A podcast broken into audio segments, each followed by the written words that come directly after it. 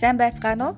Өөрийнхөө подкастыг сонсож буй сонсогч та бүхэндээ энэ өдрийн мэндийг хүргэе. Өнөөдөр бол маш онцгой өдөр байгаа. Ягаад гэвэл подкастын маань хамгийн ихний дугаар бичлэхэд бэлэн болоод байна.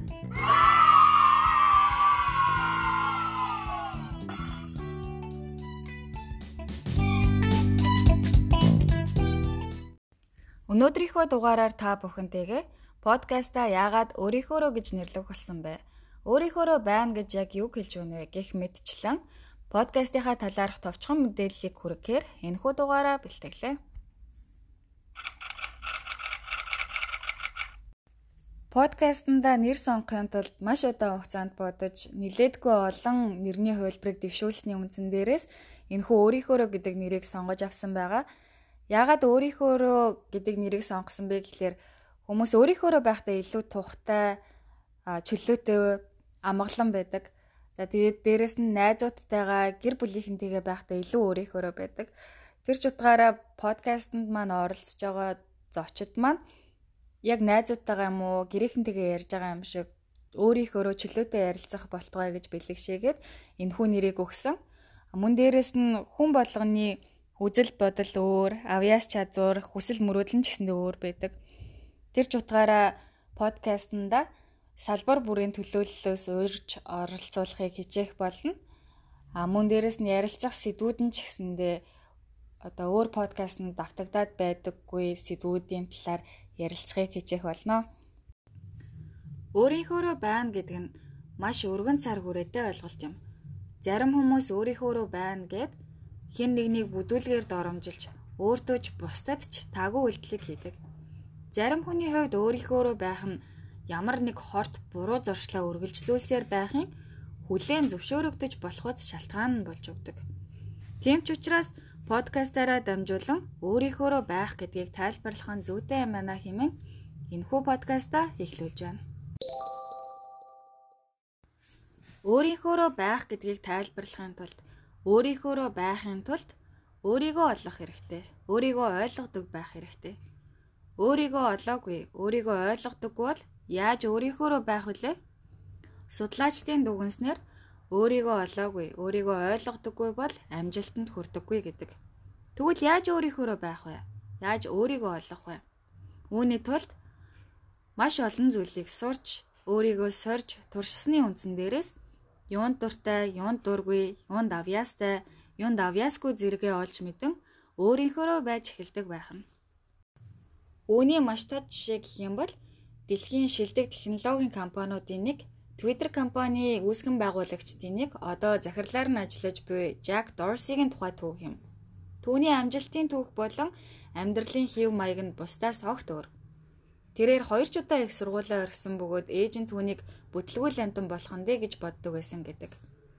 Гисэн хэдэж тэрээр дуртай зүйлийнхээ төлөө тууштай хөдөлмөрлөж тэмцсэний эцэст 29 наснда тэрбумтан болсон. Одоо тэрээр 37 тэрбумын хөрөнгийг эзэмшдэг тэрбумтан юм. Жак ажил руугаа явахдаа машин ундаггүй. Нэг цаг алхаж явдаг. Энэ хугацаанд ажлаа төлөвлөдөг. Заримдаа тэрээр агуудсан хоногоор бясалгал хийх нь ч бий. Гэхдээ үүнийг сонсож би 10 жилийн сурагчтай сургуулаа орхин агууд бясалгал хийж амжилтанд хүрнэ гэж бодож байгаа бол яг одоо тэр бодлоо орхиороо учир нь амжилт гэдэг зөвхөн дуртай зүйлээ олж өөрийгөө олсноор ирдэггүй. Тууштай хөдөлмөр төсвөр хатуужлын цаана амжилт нуугддаг. Мөн дээрэс нь 10 жилийн боловсролын систем нь системээр Хүүхдүүд маш олон төрлийн шинжлэх ухаанаас суралцсан юунд дуртай ямар мэрэгжил сонгох уу гэдгээ шийдэх алтан боломж юм. Тиймээс хичнээн хичээлж нь хэцүү санагдсан ч гэсэндээ чадах чинээгээр маш сайн суралцахыг хичээн 10 жилээ төгснөхийн дараа дуртай мэрэгчлээ сонгох хэрэгтэй шүү.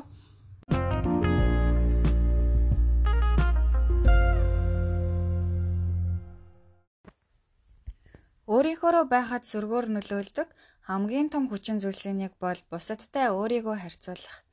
Өөрийгөө бусадтай харьцуулан, гоочлон, өөртөө итгэх итгэлээ алдан, сэтгэлээр унан, стресстэй нь утгагүй зүйл юм.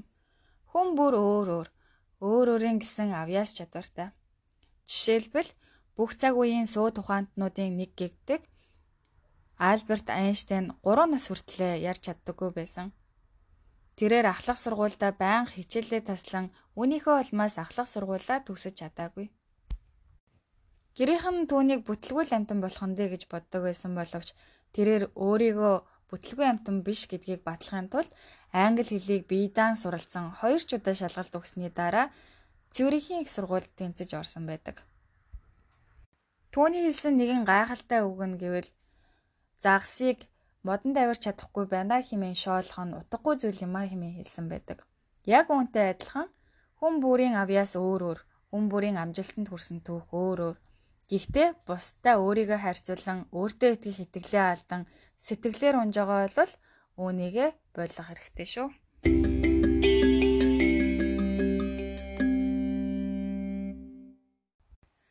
Ингээд өөрийнхөөрөө байхдаа анхаарах ёстой сүүлийн зүйл бол өөрийгөө уучлах. Хүн төгс биш хэн ч алдаа гаргадаг. Гэхдээ гаргасан алдаагаа засах боломжтой бол засан, засах боломжгүй болсон бол алдаагаа дахин давтахгүй байх нь л чухал. Харин зарим тохиолдолд хүмүүс алдаа гаргасныхаа дараа алдаагаа улам даамжруулан намайг хүмүүс ингэж л боддог. Би угаасаа л ийм хүн хэмээн дараа дараагийнхаа буруу алхмыг хийх үндсийг тавьдаг.